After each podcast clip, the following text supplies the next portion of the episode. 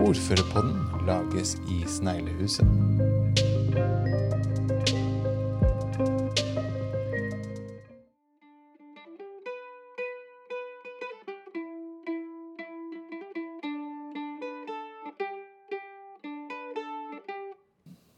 Da er vi i en ny runde med Ordførerpodden, og i dag så ja, kanskje ganske naturlig at vi har ordføreren i Kragerø på besøk. Grunde Vegard Knutsen, velkommen til studio. Jo, takk for det. Det er veldig hyggelig å bli invitert. Så bra.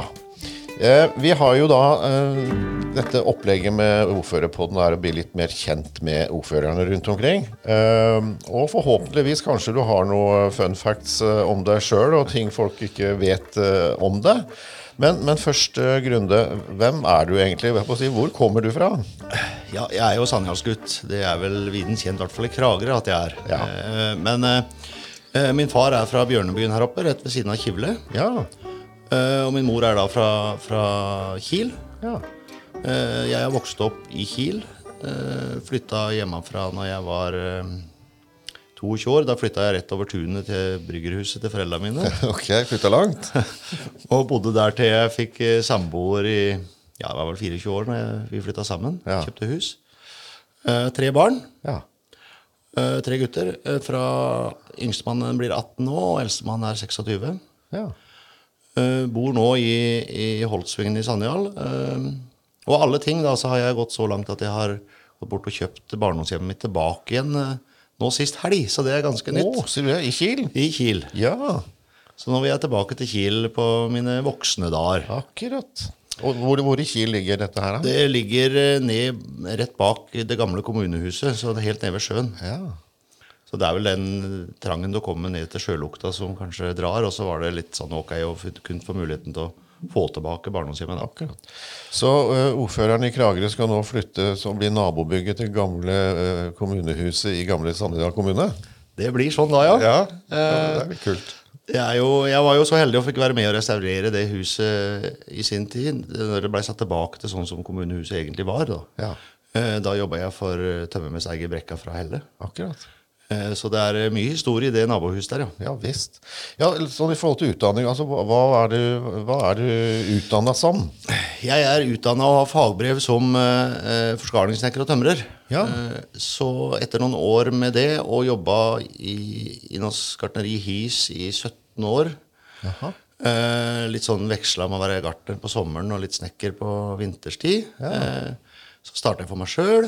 Eh, dreiv til skjærgården her. Eh, så fant jeg ut at jeg må få meg noe mer utdanning, for jeg begynte å halte litt sånn med skrotten. Jeg tok teknisk fagskole.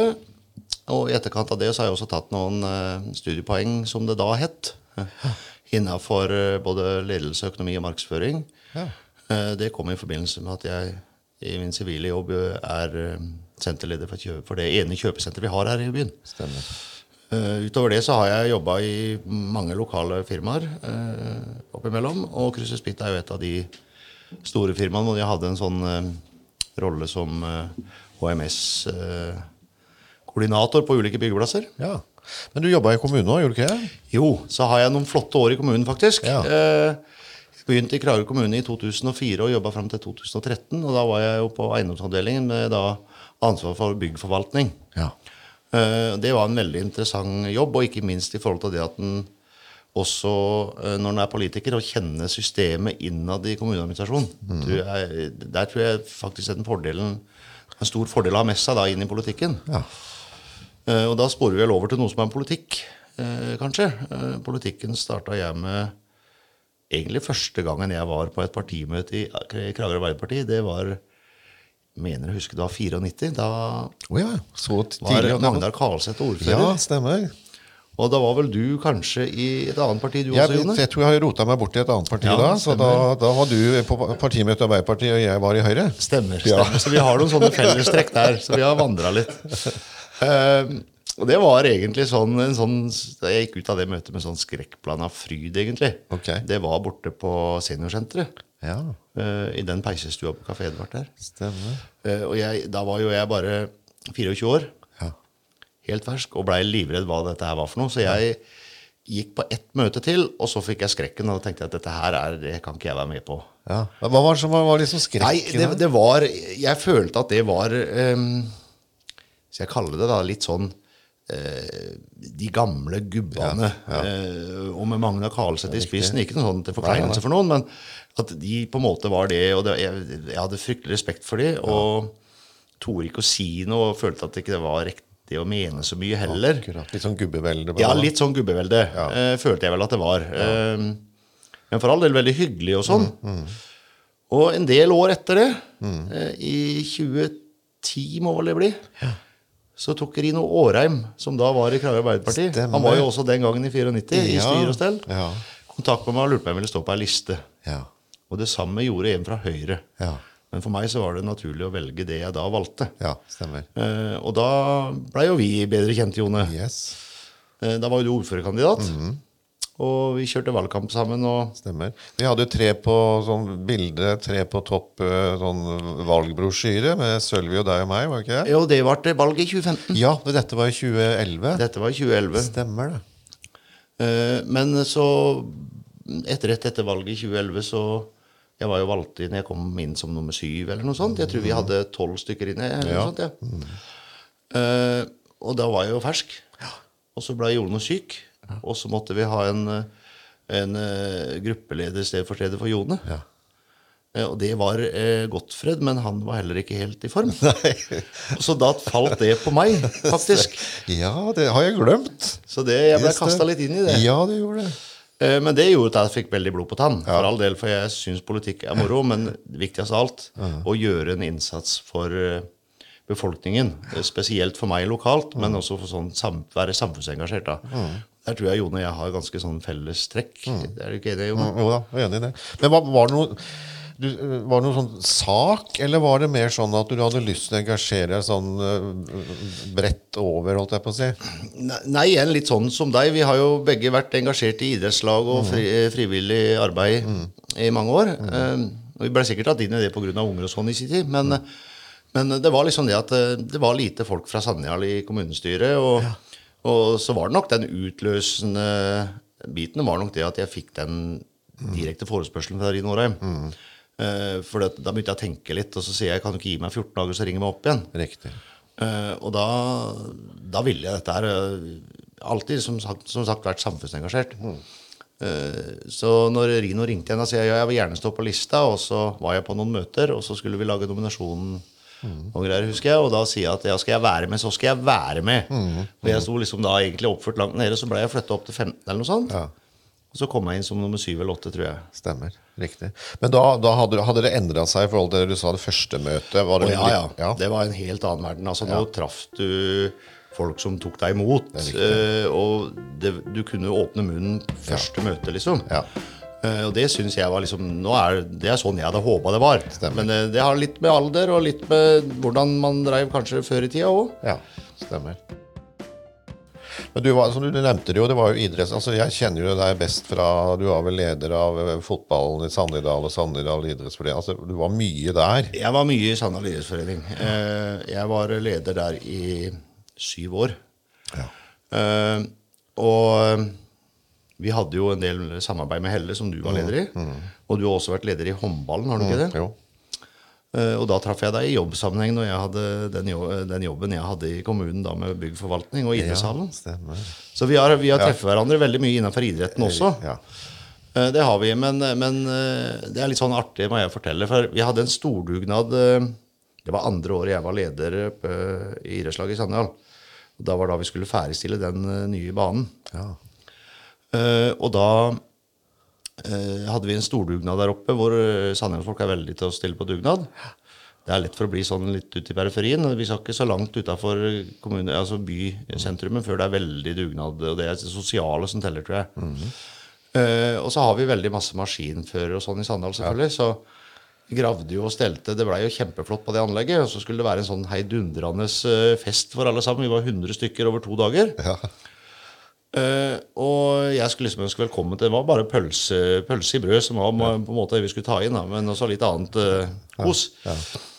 Da fikk jeg utdelt borgermesterkjede, så det henger oppe i klubbhuset der ennå. Det var laga av noen av de jentene som da var okay. i styr og stell. Så da ble jeg utnevnt til borgermester av Sannidal. Oi, oi, oi. Og da kom den sangen som det kjente bandet Tonehjulsverket synger. Der kommer Grunde løpende som et ordførerglis. Det kom i forbindelse med det kjedet.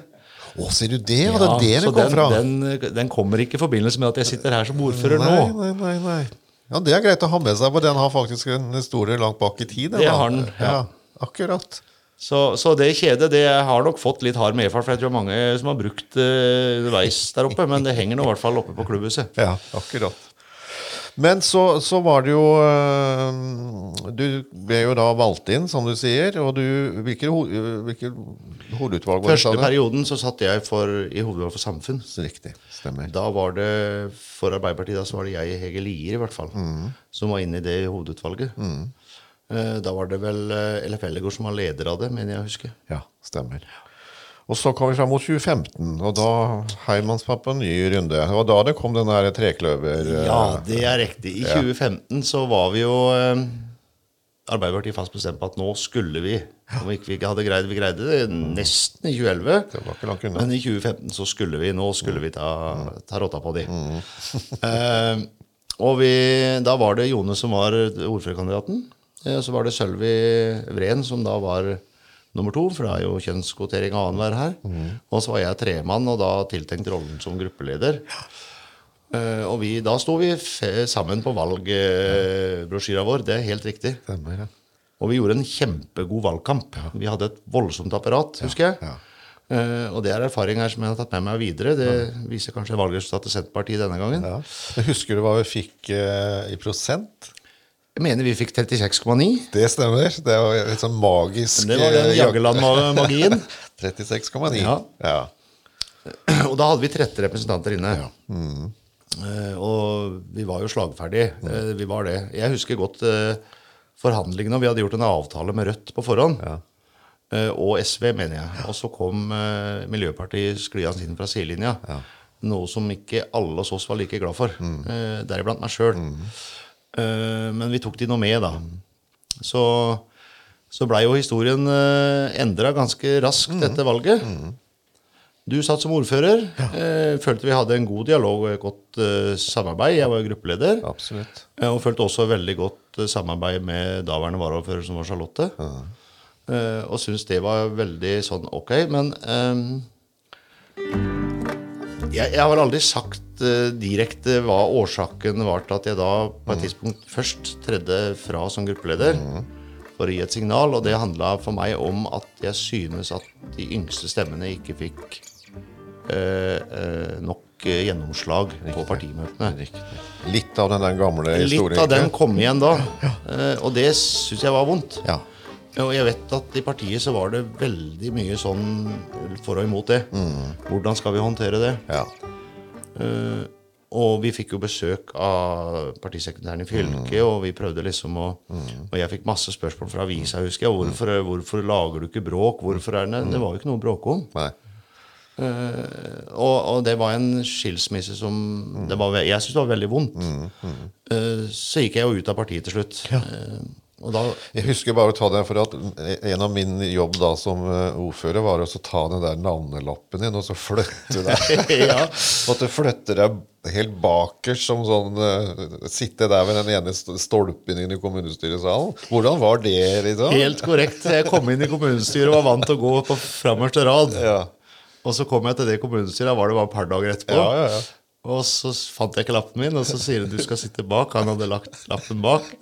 Og da kom jeg ved siden av Per Erik Skjulse, og jeg satt, eh, som du sier, bak, skjult bak en stolpe. Men jeg husker jeg hadde på meg rød skjorte i første kommunestyre. ja, ja, riktig. Etter at jeg hadde meldt meg ut av Arbeiderpartiet. Men du sa også, og det, er jo, altså det har jo noe med respekt å gjøre, for du sa det at uansett så er jeg valgt på et program.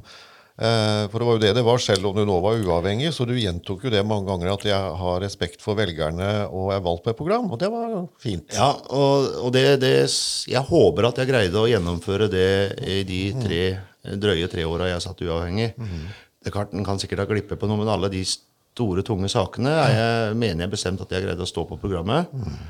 Uh, og eh, i hvert fall i måten jeg stemte på, så kunne det hende av og til at den kanskje argumenterte litt annerledes. Eh, men, men eh, det må jeg si, å sitte som en uavhengig representant i et kommunestyre sånn, eh, det unner jeg ingen. Det er fryktelig slitsomt. Du, skal, du har ingen å lene deg på. Du skal lese deg opp på alle saker og kunne det, i hvert fall hvis du skal si noe. Eh, og jeg er en sånn type som i den sammenhengen ikke nødvendigvis klarer å tie stille, så jeg må jo liksom lese meg opp. Men, men det var fryktelig krevende, så jeg unner ingen å, å komme i en sånn situasjon. Nei. Det jeg syns, på en måte, hvis jeg kan si noe om selve skilsmissen, så, så mener jeg den foregikk på en ryddig og ærlig og ordentlig måte fra begge parter. Og jeg har fortsatt ikke noe spesielt vondt å si om det. Bra. Men, men på et eller annet tidspunkt, da, så, så altså uavhengig kan man jo ikke fortsette sånn. Og så, hvorfor ble det Senterpartiet? Altså, var, altså, har du potetåker og går på jakt, eller hva er det som er eh, Nei, eh, nei, altså Jeg var veldig i tvil om jeg skulle fortsette. Ja, Men jeg, jeg, jeg Ja, så du tenkte på i hele tatt om du skulle Ja, fortsette? jeg, jeg gjorde det. Men så er det det at du brenner jo for det lokalsamfunnet du bor i. da. Mm. Og eh, nå var jo ungene store. Nå hadde jeg i hvert fall tid til dette her. Mm, Eh, så tenkte jeg nei, hva skal jeg gjøre? Jeg må, jeg må sondere litt. Men eh, det mangla jo ikke på tilbud. Nei. Jeg var eh, sågar også i, ble kalt inn til et møte med Høyre, hvor de spurte om jeg kunne tenke meg å melde seg inn hos de og være deres ordførerkandidat. Mm. Uh, artig kan- å få tilbud nå. Det er jo ja, artig å få tilbud. Ja. uh, og jeg sa ikke til noen forkleinelse for Høyre, på noen måte, men det ligger ikke så nært mitt Mm. hjerte, så det, det stemmer liksom ikke helt. Eh, og det å kunne lokke med en ordførerkandidat, det var heller ikke Mm. noe positivt som jeg fikk ut av det. Riktig. Eh, jeg hadde aldri hatt noen ambisjoner om å bli ordfører, egentlig. Men hva, hva var det som hvorfor, at du sier, altså Senterpartiet er jo øh, var jo ikke et stort parti, sånn sett. Vi hadde han, øh, han ene, Knut Jarle, som, øh, som var Senterpartimannen, sånn sånn sett. Og så klart, I Sandedal var det jo noe sterkere. Vi var jo ikke noe stort parti egentlig i Sandedal heller. Men hva, hva, altså, hvorfor ble det Senterpartiet? Eh, Senterpartiet er jo det partiet som jeg mener i, i, en del grunnverdier da, ligner mest på Arbeiderpartiet. Eh, og Senterpartiet har jo skrudd seg over til å bli mer sosialdemokratisk enn historisk har vært. Eh, og en del ting der stemte for meg. Og så er det, var det spesielt dette her med eh, at vi er imot, imot kommunesammenslåing og store enheter og det lokale. Som, som dro meg over. Så jeg, jeg var på et møte med de for å høre og lufte. Og for de tok ikke kontakt med meg, jeg tok kontakt med de. Riktig. Eh, Det var interessant. Og så sier jeg at da får det være opp til dere om dere vil invitere meg igjen. Riktig. Akkurat. Eh, Og så ble det gjort, da. Ja. Og du, mel- nå husker du meldte deg inn da i perioden, altså Ja. to år som uavhengig eller noe sånt? Nei, jeg meldte meg inn eh, i mars 20... Som er det da? Nå må vi regne tilbake. Valget var nå i 2019. Mars 2018 Ja, riktig. Mm. meldte jeg meg inn i, i Senterpartiet. Og det, eh, det medførte jo Da var jo de liksom litt sånn up and going med, med Senterungdommen og litt sånn. Eh, og så medførte det at vi, vi begynte å legge slagplaner for valget. Ja, riktig. Eh, Og Senterpartiet da hadde trua på å kanskje få inn to. Det har ligget med én lenge, og det har ikke vært, det har vært fire var vel På 80-tallet var det fire stykker. Ja. men jeg dro jo fram eh, en plan som jeg har brukt i Arbeiderpartiet i forhold til valgkamp. ja, ikke sant. eh, og tok på meg ansvaret for å kjøre, legge opp valgkampen. Eh, og eh, de syntes jo at jeg var fryktelig optimistisk og, og alt dette her. Men, men jeg hadde trua på at vi skulle få fire, jeg, da. Ja, ja. Eh, Så vi har gjort en god valgkamp. ja åpenbart. Hva tror du liksom var For det var jo nesten et politisk jordskjelv sånn sett i forhold til at dere er med nest største parti. Ja. Det var jo en, en, en, et lite tidspunkt midt på kvelden hvor vi var like store. Ja, faktisk. Vi lå og vippa. Ja, vi gjorde det. Ja. Nei, eh, vi har nok eh, Tror jeg det, det har mye med personer å gjøre ja. når vi er på lokalvalg. Ja. Og den lista vi tromma sammen, og vi hadde jo kø for å komme på lista. ja, stemmer. Det er klart at øh, hver og en som står på lista, drar én eller to eller kanskje fire stemmer hver. Og når du har en liste som er maks på 41, som her, da, mm. så klart alle de drar noen stemmer. Og det er jo ikke så utrolig mange stemmer du skal ha for å velte inn noen, da.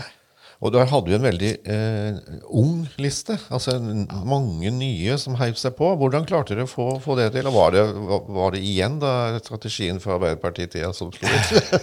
Nei, altså det var en sånn Det var nok noe, det også, men, men det var, det var uh, Senterungdommen. ja.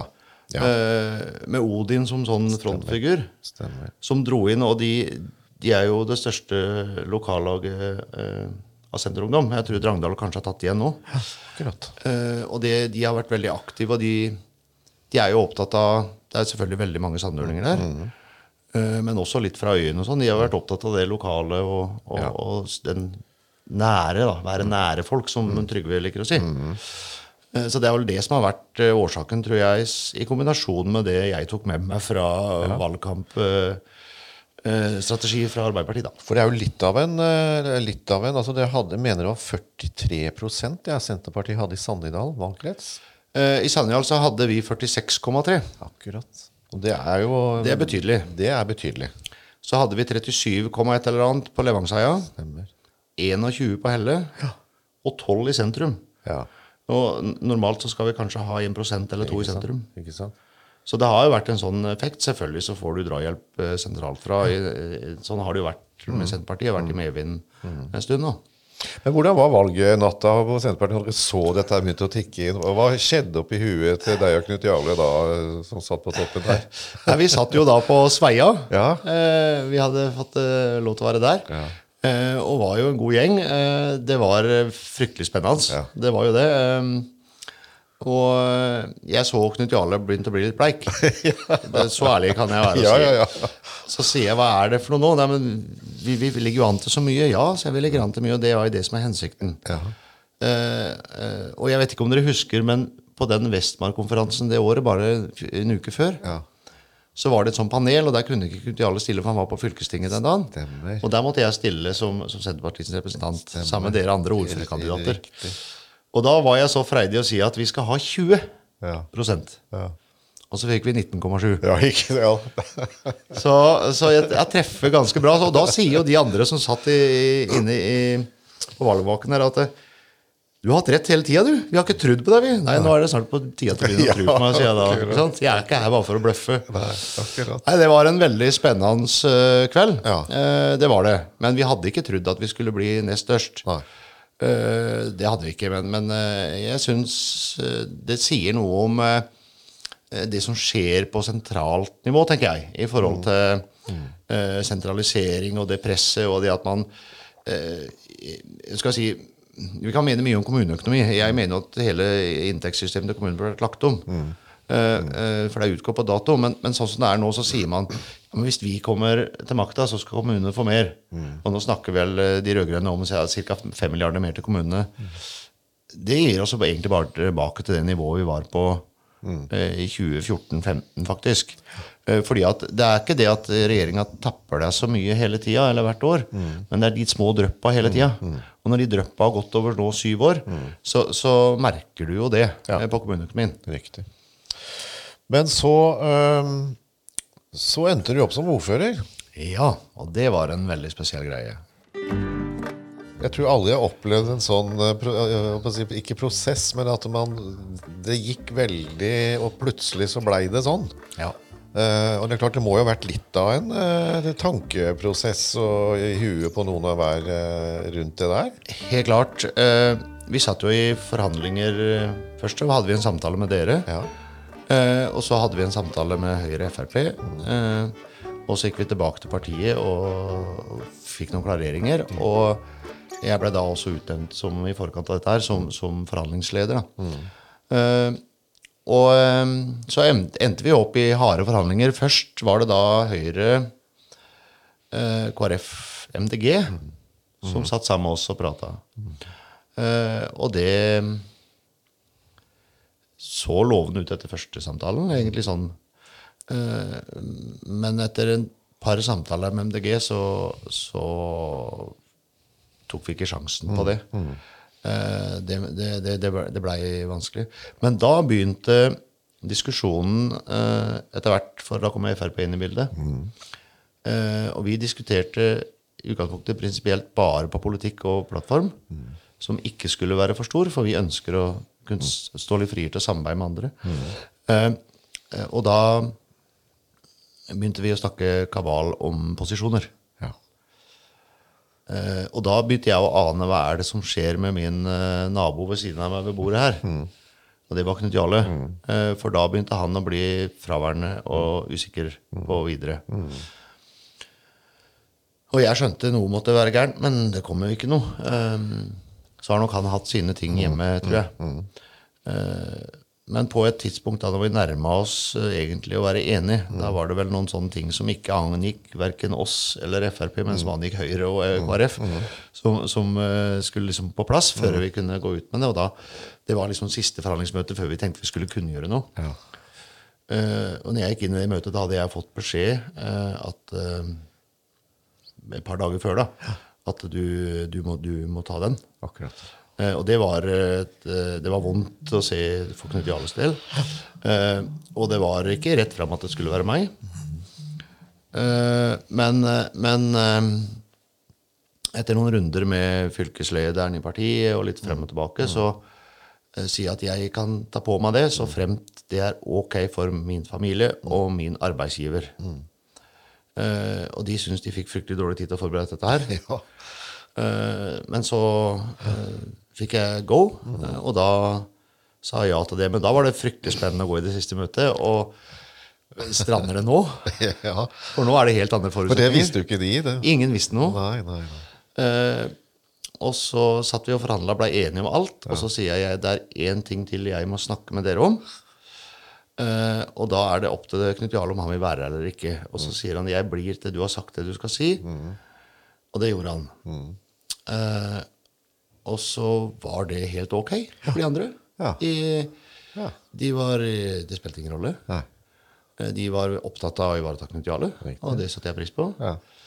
Eh, og det var en, eh, en så, sånn sett en eh, veldig greie, men jeg tror ikke jeg visste hva jeg gikk til. Det Ja, hva skjedde skjedde i huet ditt da, egentlig? Ja, når, det var mye rart, altså. ja, Du trenger ikke si alt hva som skjedde i huet, men det må ha vært en sånn brå omstilling? Veldig brå omstilling. Eh, Jeg husker jeg reiste hjem fra det og ringte min mor, som jeg tenkte at nå skal ikke hun åpne avisa og se dette her. Og så visste jeg hun skulle reise på sånn helsereise med Helsesportlaget på morgenen etterpå til Syden. Så sier jeg at nå har det skjedd ting, så jeg vet at du har lagt deg, men nå må nå, og, og det, nå er det godt du skal av gårde. Og så sa ikke du lese aviser. Det var det jeg sa. Okay. Eh, For nå, nå så sa jeg jo hva det var. Ja, ja, ja. Eh, Og så måtte jeg jo da snakke med mine barn eh, og si at nå blir det sånn, og nå i morgen så blir det sånn ståhei. Ja. Eh, Men den morgenen, da skulle vi åpne det nye Alltid-senteret. Å ja, Og jeg skulle jo på en måte være i fokus med det, og ikke sant, presse og alt sånn. stemmer. Og det var NRK, og det var altså, Haraball for først og fremst hadde vi brukt utrolig lang tid på å bli enig. Ja, Det var jo den siste kommunen som landa kabalen, og det gikk tre uker, tror jeg. Ja, ja, ja. Eh, og det var en eh, fryktelig dag. Og jeg, ja, de ukene etter det så var ikke jeg helt meg sjøl, jeg. Eh, det, det hadde ikke synket inn når, jeg, når du overrakte meg kjede en gang den 17. oktober. Det hadde ikke synket inn ordentlig hva er det egentlig jeg har eh, Riktig. sagt ja til. Eh, men det er en veldig spennende og utfordrende ja. rolle å ha. Absolutt. Men, men jeg tenker når du da eh, For det har jeg jo erfart sjøl. Du går inn på det kontoret som er rydda alt, og det ligger ikke noe eh, håndbok eh, der hvor du slår deg opp på side én at hva en ordfører skal gjøre.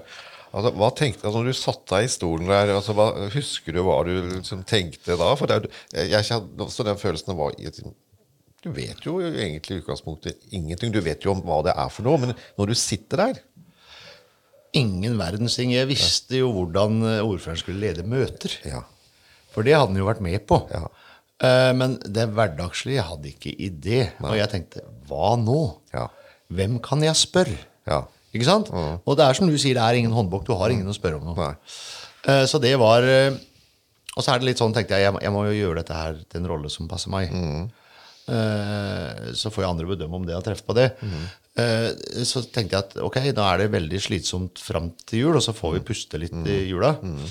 Og så kan vi gå på, så er ting litt sånn eh, mer behagelig når vi kommer på nyåret. At vi kan liksom begynne å konsentrere oss om politikken og gjøre de andre tingene, være synlige og det her.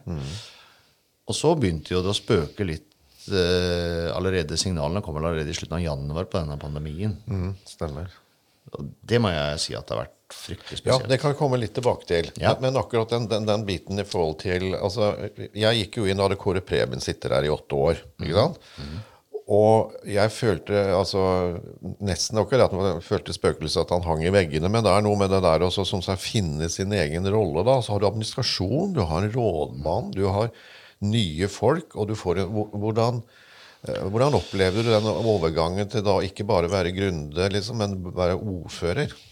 Ja, eh, heldigvis da, så kjente jeg mange av de som jobber på rådhuset. Ja. Eh, sånn noenlunde fra før av. Så var det jo selvfølgelig mange nye. Og så var det det å bli kjent med politisk sekretariat. Det er jo en fantastisk gjeng med jenter. Mm. Heldigvis. Eh, og ikke minst eh, kommunedirektøren. Og å bli kjent med kommunedirektøren på en annen måte. Eh, ja, det var, det, det var veldig rart. Eh, jeg hadde, lå mye våken om natta, det må jeg si. Ja. Jeg gjorde det de første ukene. Men hvem, eh, altså når du sitter som ordfører, så er du jo sjef over alle sjefer. altså Du er jo sjefen. Hvem, altså hvem skal man snakke med? For det er jo ikke alt du kan snakke med folk rundt deg om. Hvem er det du eh, som Er det kolleger, ordførerkolleger? Er det altså I starten så brukte jeg eh, noen ordførerkolleger i Senterpartiet. Eh, og vi, veld, veldig tidlig, for Senterpartiet gjorde det jo bra, eh, så blei vi kalt inn til en sånn ordførerkonferanse med Trygve Slagsvold Vedum inn i Asker. Ja. Eh, det var ordfører og varaordfører fra, fra hele landet. Og der fikk vi en, en fadderordning. Oh, ja. Eh, beklageligvis, han som på en måte blei litt sånn eh, Skulle være den jeg skulle kontakte, han døde jo ikke så veldig lenge etterpå. Okay. Veldig brått. Men, men så har jeg hatt veldig god bruk for, for eh, fylkespartiet. Mm. Jeg har brukt eh, ikke nødvendigvis Terje Riis-Johansen, for han har hatt mer enn nok med det han har styra med. Vi har Tor Erik Baksås eh, i Senterpartiet, som jeg har brukt som samtalepartner. Eh, litt Olav Urbø, og så Tor Peder. Ja, stemmer. Ja, du har jo naboordfører her som Jeg har det. Så, så det, har, det hjalp meg veldig i starten. Og nå som liksom jeg har kommet inn i et ordførerkollege, som du også har sittet i, i Grenlandssamarbeidet, så utveksler vi også sånne erfaringer der. Ja, riktig. Men, men hvordan merka du eh, at når du skulle på butikken, når du skulle rundt eller gjøre ting, hvordan merka du at rollen, eller hvor, altså folk Eller merka du det? Altså Hvordan ble det der at du nå var du ordfører og ikke Grunde sånn i i Kragerø også, i Sannidal? Ja, det blir sånn faktisk. For der, det blir sånn Oi, der kommer ordføreren, ikke sant? Det var ikke bare at jeg kom slengende. Eh, folk oppfører seg stort sett som normalt. Eh, men du får jo mange flere spørsmål Ja. Eh, om ting som du som, som angår de, da. For at eh, nå er jo du den som skal svare for dette her, uansett om det er sånn eller sånn. Du kan gjerne sitte i formannskapet, men det er ordføreren som skal svare for det. Så, så det, det har jo vært eh, mange spørsmål som jeg har sagt at jeg må komme tilbake til, som ikke jeg kunne svare på, i hvert fall sånn i starten. Ja. Så, så, men generelt sett så tror jeg befolkningen i Kragerø er sånn Ok, vi, de kjenner oss som personene vi er, og ikke nødvendigvis for rollene. Mm. så Det er iallfall den opplevelsen jeg har. da. Men får du Du nevnte det, dette med pandemi. altså Det begynte jo å skje ting også som er veldig, veldig spesielt. Eh, Ansvaret. altså Du sitter jo med et vanvittig ansvar, og så kjenner man kanskje ikke det i hverdagen. Men når det oppstår ting, hvordan, hvordan var den når dette her pandemien slo inn, og plutselig så var verden snudd litt på huet? Ja, det, det var eh, Det var veldig spesielt. eh, Og vi så at eh, på en måte hele verden eh, og, og Norge stengte jo ned. Eh, Den tida som jeg syns kanskje var verst, var den tida fra vi på en måte så hvor det gikk hen, til vi på en måte Til regjeringa tok den avgjørelsen. Riktig. Og jeg var veldig glad for at de tok den avgjørelsen. Eh, og vi hadde fire-fem ganger i uka så hadde vi jo utvida kriseledelsesmøte. eh, For å ta beslutninger, for det måtte tas beslutninger. Eh, og det, det har tatt veldig mye ressurser av administrasjon, av ordfører, ikke minst kommunelegen. Og eh, det var liksom startfasen på det. Og så ha, har jo ting gått seg litt til. Men, men eh, jeg var veldig opptatt av det når vi da begynte å åpne litt opp igjen og fikk i gang skoler og barnehager og sånn. Og, og de som faktisk har stått i det. Eh, vi har tross alt sittet der og tatt noen avgjørelser og sånn, men de som faktisk har stått i det hver dag, undervist enten på, på video eller, eller Altså I barnehagene så vaska de vel ned og pussa opp og mala barnehage for å, for å på en måte holde seg aktive og gjøre det klart til ungene kom tilbake. da. Riktig. Eh, og kunne få reise rundt og besøke eh, Jeg prøvde å besøke alle skolene første dag. Det gikk ikke, for det, det, geografisk så får du det ikke til. Eh, men jeg besøkte alle skolene, og jeg besøkte også alle barnehagene eh, ved oppstart. Og for å høre med personalet først og fremst hvordan de hadde opplevd det. Men også det å kunne få være med og ønske ungene velkommen tilbake. Og at nå er det trygt. Det, jeg tror det, Den rollen å liksom være den som står der med ordførerkjedet, for det hadde jeg på, og sier at nå er det trygt å komme til oss sånn, det tror jeg Ja. gjør noe med folk. Men, men hvordan hadde ordførerne da i den perioden? Fikk du så, altså, hva, hva, kjente du presset, eller hvordan takla du det sjøl? Jeg syns jeg gjorde det ganske greit. Jeg er jo i den situasjonen at jeg har liksom ikke noen samboer eller noe sånt som jeg kan liksom øse ord med når jeg kommer hjem. Eh, men jeg har uh, Du har bikkje? Ja, bikkje. Den er uh, veldig lite tilbakemeldinger fra. Eh, men men, uh, men bikkja gjør jo det at uh, For den må jeg ut med. Ja, ja, ja. Å gå en tur i skauen og så bare putte noe musikk på ørene, liksom. Akkurat, akkurat. Bare tenke på helt andre ting og være litt sånn. Det gjør at du kobler av. Men så har jeg gode venner som på en måte jeg kan prate med om de Mm. tinga her, og som på en måte ja, har bakka meg litt da, Mm. og, og ja. Det kan være en, eh, merker det kan være ganske ensomt eh, noen ganger når det, når det står. For det er ikke sånn at du kan snakke med, med partilederen eller med kommunedirektøren om ting. Så, og det er ikke sikkert man trenger å snakke. Du sier ikke sånn, 'god tur, hør musikk', bikkja. Men altså, det å ha noe å avreagere på Er det andre ting liksom du driver med? På å si boksing eller eh, jakt? Eh, Nei, det er jo ikke det. Jeg, eh, det er jo ganske, jeg er veldig glad i å padle. Ja, Eh, ja. Det får jeg veldig liten tid til. Ja. fordi at den tida jeg på en måte har fri, som jeg kan gjøre noe, da må jeg lufte en bikkje. Altså, da blir det gåturer isteden. Jeg er ikke heldig ha den med kajakken. Det har jeg forsøkt på. Så det, det, men, men jeg har jo noen, noen, noen, noen veldig nære venner eh, som, som jeg kan prate med de Ja. tinga her om. Ja, ja. Eh, I hvert fall alt det som går an å prate om, og spesielt om hvordan måte jeg føler det. og sånn. Eh, det har vært en støtte, det. Det er ikke tvil om annet. Men hvordan øh, Hva var forskjellen? For, nå fikk ikke du så veldig lang tid da, egentlig på å forberede deg på, på rollen, da, men blei det sånn som du trodde, eller hvordan altså, Eller hadde du ikke noen tanker om det, egentlig? Du bare kasta inn i det på en måte, du? Jeg ble kasta inn i det, føler jeg. Og jeg fikk senest i dag jeg kom, Før jeg kom hit, så var jeg oppe med Skåtøy sanitetsforening på Helle skole ja. og besøkte sjette klasse. Og når vi gikk opp til skolen her, så, sier de liksom Trives du i rollen? Ja, jeg kan jo ikke si jeg mistrives, men jeg har ikke hatt tid til å kjenne på det. Nei, riktig. Akkurat. Eh, For det har jeg faktisk ikke. Det, det er veldig sånn spesielt. Eh, Og så har det vært, som sagt, eh, i og med pandemien så blei veldig mye Og vi forventa jo da en stor økning av turister i sommer. Og vi er jo, en, vi er jo perlen, som vi liker å si. Eh, Og hvordan vil det bli? Smitteoppblomstring. Alt det her var så usikkert. Stemmer. Så, så varaordføreren og jeg vi hadde egentlig lagt en ferieplan sånn tidlig i mars, vi, hvordan vi skulle fordele sommeren. Ja. Det kasta vi om på. Ok. Eh, Så, så per definisjon så har jeg hatt fem dager uten telefon i sommer. Ok, det er litt lite. Det er, eh, det er altfor lite. Eh, Alt for lite. Jeg merker det veldig godt nå, at det er alt for lite. Eh, Så og de- fem dagene så var jeg ute i skjærgården Ja. og padla kajakk Ja. eh, sammen med en god venn. Okay. så bra. Eh, Og vi var ute og spiste litt på Haga og litt rundt forbi på porter. Og, og skulle ligge på skjæret. og da må jeg bare spore inn på det. Og da, da eh, merka jeg den nedbygginga som har vært av skjærgården vår. For vi skulle sant? ligge på skjæra, og det er ikke lett å gå i land noen plass uten at det er privatisert. Nei, stemmer. Eh, når du kommer så tett på det. Ja. Men det var veldig fine dager å tømme huet på. Ja, så. Eh, så jeg skal ha en ukes ferie nå når hummerfisket begynner. Å ja, så du skal ut og Jeg skal sette noen teiner, og så har jeg jo da som sagt vært så gæren og kjøpt det huset, så det, Ja. jeg må gjøre en del ting rundt det. Men da er jo du handyman. Du har både grønne fingre og kan snekre, så du ja, gjør en del sjøl. Men jeg tror jeg nok må flytte inn i det før det er ferdig opphussa. Det tror jeg nok. Eh, Jeg tror ikke jeg rekker å gjøre sånn som jeg har gjort før. At jeg kan liksom gå på med krum rygg og nå skal jeg gjøre det. For det er det nok ikke rom for. Men det er en annen helg innimellom, så får han sikkert gjort noe. Ja. Men litt sånn om, om kommunen, som du sier, så, og du har jo sagt du er fra Sannidal. Og klart vi allerede, ikke allerede, vi har jo merka noen ganger at eh, jeg skulle tro det var bare ti år siden vi hadde kommunesammenslåing, men det, den ligger liksom sånn Det Skåtøy, Sannidal, Kragerø Jeg husker det var én, skal ikke nevne navn, men det var én fra Sannidal som gikk på talerstolen når vi skulle feire 350-årsjubileum. Hvor han anbefalte folk fra Sannedal å ikke flagge.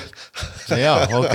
Ja. Men det var mer litt sånn morsomt. Ja, det ja, det, da. ja, ja. Men, men merker du fortsatt den der For du har jo vært eh, Når du satt i kommunestyret, så var dette at jeg er fra Sannidal. Hvordan dette her nå får bli ordfører for alle? Har du kjent på den, eller har det gått uh, greit? Ja, Med en gang jeg på en måte den avgjørelsen var tatt, så fikk jeg var i et intervju med KV, eh, hvor jeg også fikk det spørsmålet. Eh, jeg er valgt inn av Kragerø kommunes befolkning, eh, og det er hele kommunen. Eh, så kan jeg også i perioder tidligere vært på talerstolen og vært veldig på det at jeg er fra Sandøy, som du sier. Eh, men vi er nå er tross alt en og samme kommune og har vært det i 60 år. Så for meg, og jeg har jo også røtter og mye familie i sentrum snart, da. Så for meg så er det liksom vært litt mer sånn en litt mer jippo, kanskje, enn det Så det ligger ikke så mye bak det som det. Og jeg opplever vel at også de som vokser opp i dag, det er ikke noe det er ikke noe sånne skillelinjer lenger. Det er riktig.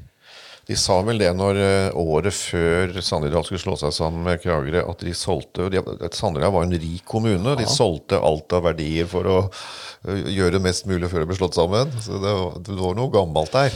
Eh, Det er helt riktig. Og det siste var vel, som ble gjort, var vel å få satt i gang bygging av Sandar barneskole og få Ja. finansiert den. Riktig.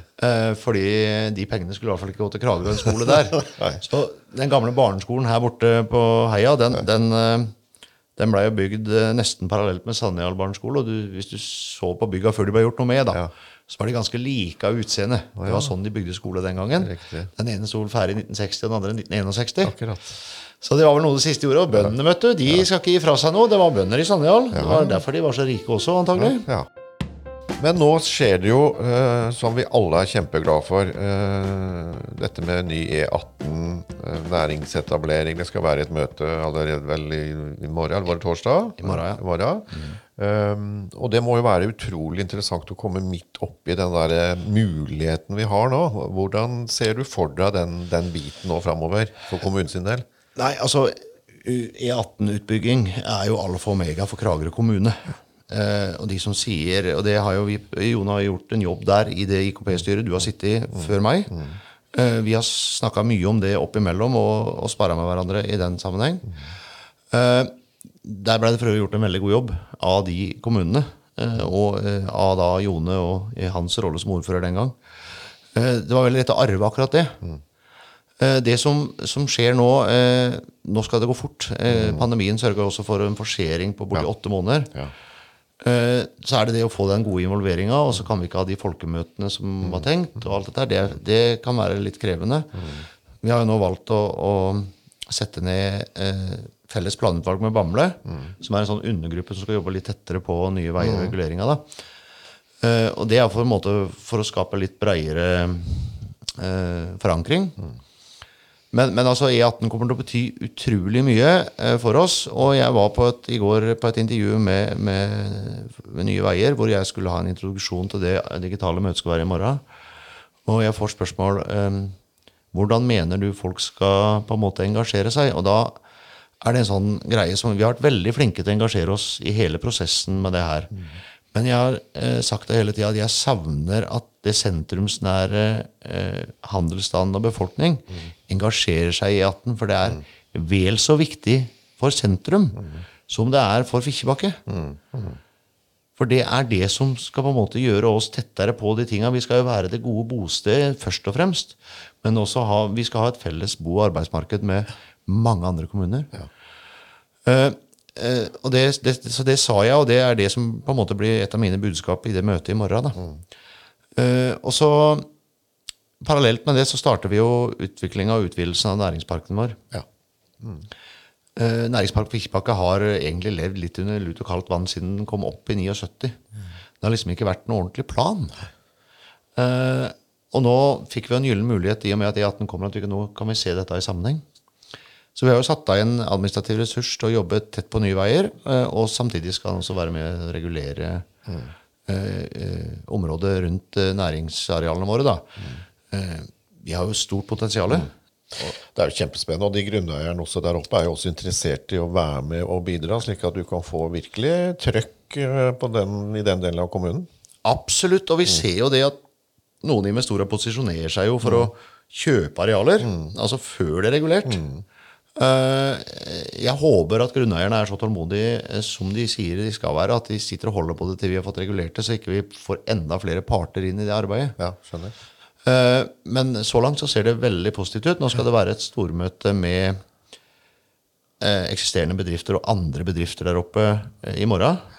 Og det jeg tenker at Kragerø kommunes næringsliv fra, fra den minste skal vi si kiosken til storindustrien må være veldig på, spesielt i byggeperioden, hvor vi får borti 500-600 mennesker som skal bo her i tre år. Og de skal serves. Det er en sånn gulrot, og hvis ikke vi er fram, i skoa nå, så, så risikerer vi at de velger å ha sin bostedsbrakke enten på Brokelandsheia eller i Bamble, for Bamble vet hva dette her eh, gir av bieffekter. Eh, Så det håper jeg kan få kommunisert godt eh, til næringslivet i morgen. Eh, Jeg tror jo at når dette her står ferdig i 2024, at vi, vi, vi vil se den befolkningsveksten som, som vi som Senterparti var veldig tøffe i trynet på før valget, og også hatt i programmet vårt, at vi skal bli 12 000 innbyggere innen 2030. Eh, og vi må det, eh, fordi at skal vi demme, eh, demme opp for den demografiutviklinga, så må vi ha tilflytning av yngre mennesker. I sommer så opplevde vi jo kanskje tidenes uh, reiselivssesong for Kragerø. Jeg så et tall på 65 000 eh, som dukka opp.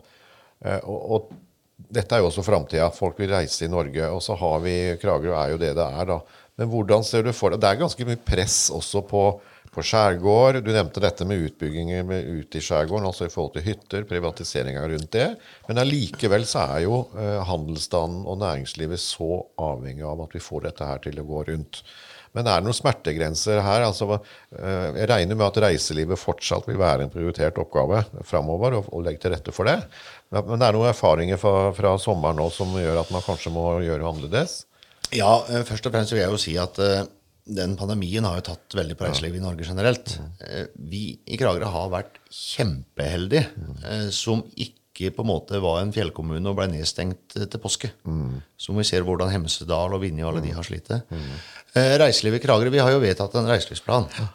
Og den planen eh, jobbes det godt med, eh, og den følges godt opp. Og reiselivet er en stor og viktig næring i Kragerø. Det kommer det fortsatt til å være. Eh, Når det gjelder eh, noe mer nedbygging, eh, tror jeg vi skal være veldig forsiktige med i, utover i skjærgården. Eh, og vi ser jo I sommer så så vi at det begynner å bli liksom båttrafikken begynner å bli så økende. og Det var kanskje noe av det jeg var mest bekymra for i sommer. var Om vi skulle få noen store ulykker på sjøen. Ja. Men eh, jeg tenker at der igjen da, så, så har jeg liksom prøvd å, å ha litt fokus på hva kan vi få til også i vår indre skjærgård. Vi har både hull, og vi har tukke, og vi har jo en, en, eh, hatt nå Drangedal inne til samtale rundt dette her med utvikling av turismen oppover også tukke. Eh, og det er, det er jo ikke mange steder hvor du kan som jeg liker å si, at du kan dra på havsafari ute i nasjonalparken på mandag. Så kan du eh, leite etter breikjefta ål oppi Tokke på tirsdag. eh, og så kan du nesten stå på ski eh, på Gautefall på onsdag. Det er jo, du har jo hele Norge innafor vår region. Ja. Så, så reiselivet vil være viktig, men reiseliv alene er ikke nok. Nå er det jo stortingsvalg neste år. Og du nevnte jo i starten dette med, med sentralisering, dette med, med kommuneøkonomi. Eh, Hva liksom er en, din klare melding til de som skal styre landet etter Stortinget? Hva er din forventning som ordfører i forhold til dette med kommunal selvråderett og styring og økonomi? Nei, eh, vi hadde besøk av fylkesordføreren eh, i forrige uke i Senterpartiet i forbindelse med Litt så var han på offisielt som besøk som fylkesordfører, men også det etterpå så var det parti eh, og klargjøring av valgkamp. Eh, og eh, mitt innspill er at egentlig så bør Stortinget se på inntekts, eh, hvordan inntektssystemet til kommunene er. For det har vært sånn nå over så lang tid med så små endringer. Eh, og så kom eh, pandemien, og ikke minst den sentraliseringa som har foregått. At her må det gjøres noen drastiske grep. Og det er uavhengig av hvem som på en måte sitter med makt. Det er noe Stortinget må ta tak i. Uh, uh, og så Mitt budskap må jo være at nå må på en måte de glemme litt eh, partiskillene der inne eh, i forhold til det med kommuneøkonomi. I hvert fall i kjølvannet av pandemien. Eh, Vi ser på, Det er utrolig mange ting her som ikke blir fanga opp av det, de pakkene som kommer. Ja, og, og vi vet jo nå at alle, all forskning og alt sier at vi må regne med flere sånne styver her. Så ser vi på flybransjen hva dette her gjør. altså Ledigheten som vil komme i åra framover på, på i kjølvannet av pandemien. Jeg tror vi må gjøre store grep, uavhengig av hvem som styrer, eh, for å få kommuneøkonomien til å være altså, framtidsretta og bærekraftig. Eh, For vi har også en omstilling til grønn næring, eh, som er veldig veldig sentralt og viktig. Og vi har alle muligheter til å gjøre de tinga nå i en, på en måte, når vi er i den prosessen. Veldig, veldig bra. Um, vi har nå sittet og snurra sammen i tre kvarter, nærme oss en 50 minutter. Eh, så det er veldig hyggelig, og det er fantastisk moro at først at du setter av tid, for vi både hører og jeg vet at det er, det er tid, det er ikke det man har mest av når man sitter i rollen. Eh, og så håper jeg at du også har fått noe ut av det. At vi kanskje også har fått presentert deg på en måte hvor noen har fått vite noe nytt. Og litt om mennesket Grunde, og hvem som egentlig er, eh, er ordføreren vår her i Kragerø. Så tusen takk for besøket, og lykke til videre. Da må jeg bare få si tusen takk for at jeg fikk komme, og det var veldig ok å ha det sånn uformelt. Og kunne komme litt sånn med litt annen synsvinkel på innfallsvinkel på ting. Så kjempebra tiltak, det her, syns jeg. Så bra. Takk skal du ha.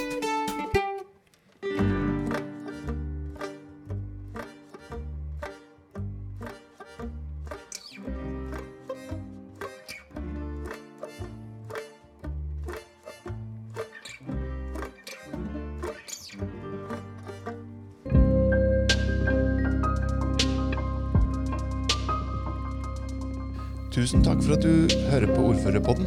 Hvis du liker arbeidet vårt, så må du gjerne vippse oss.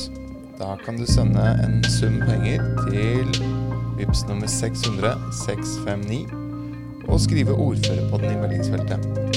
Det var vips nummer 600 659 og skriv Ordførerpodden i meldingsfeltet.